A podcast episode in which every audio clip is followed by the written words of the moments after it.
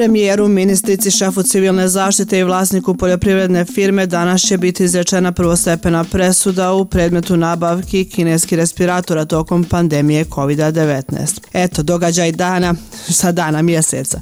Ja sam Una Čilić, ovo ovaj je podcast šta ima za 5. april. One, two, three, Zdravo i od mene, ja sam Aida Đugum i da kažem fakte o predmetu visoke korupcije koji se pred sudom BiH vodi već tri godine. Optuženi u predmetu Fadil Novalić i drugi terete se u vezi s nabavkom stotinu respiratora vrijednosti 5,4 miliona eura.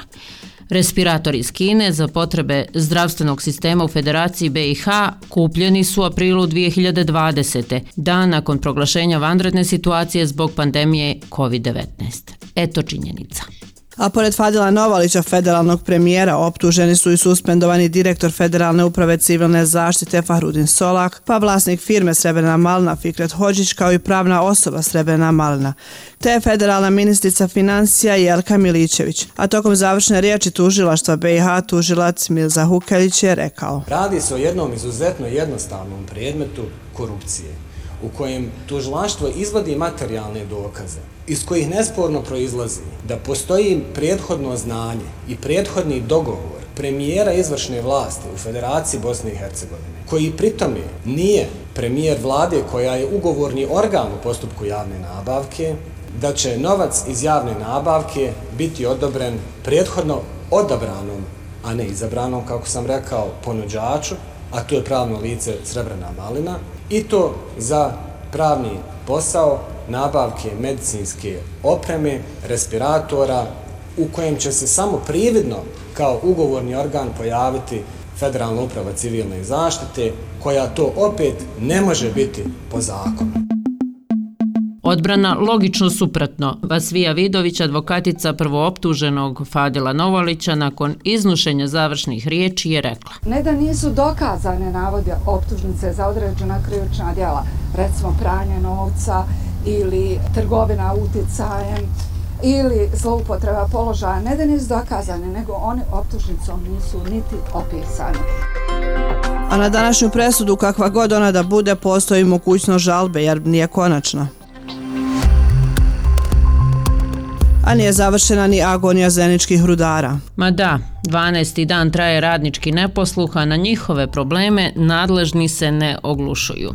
Ali možda danas njihova priča dobije rasplet. Direktor rudnika Mrkog uglja Zenica Mensur Hukić na konferenciji za novinare rekao je da je moguće da će se održati sastanak u gradskoj upravi Zenica. Pa jeste, Hukić je i pozvao gradonačelnika Zenice Fuada Kasumovića da deblokira račun, koji je zbog dugovanja za naknadu za gradsko zemljište blokiran već nekoliko puta.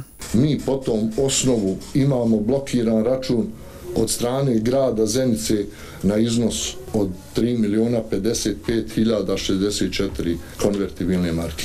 I ovom prilikom pozivam gradonačelnika da deblokira račun rudnika Mrkog uglja Zenica, da možemo izvršiti isplatu plate i toplog obroka uposlenicima rudnika Mrkog uglja Zenica. A šta je sa Turskom? Što ne da Švedskoj u NATO? Jučer kako je Finska ušla u Savez, vidim sada pitanje oko Švedske.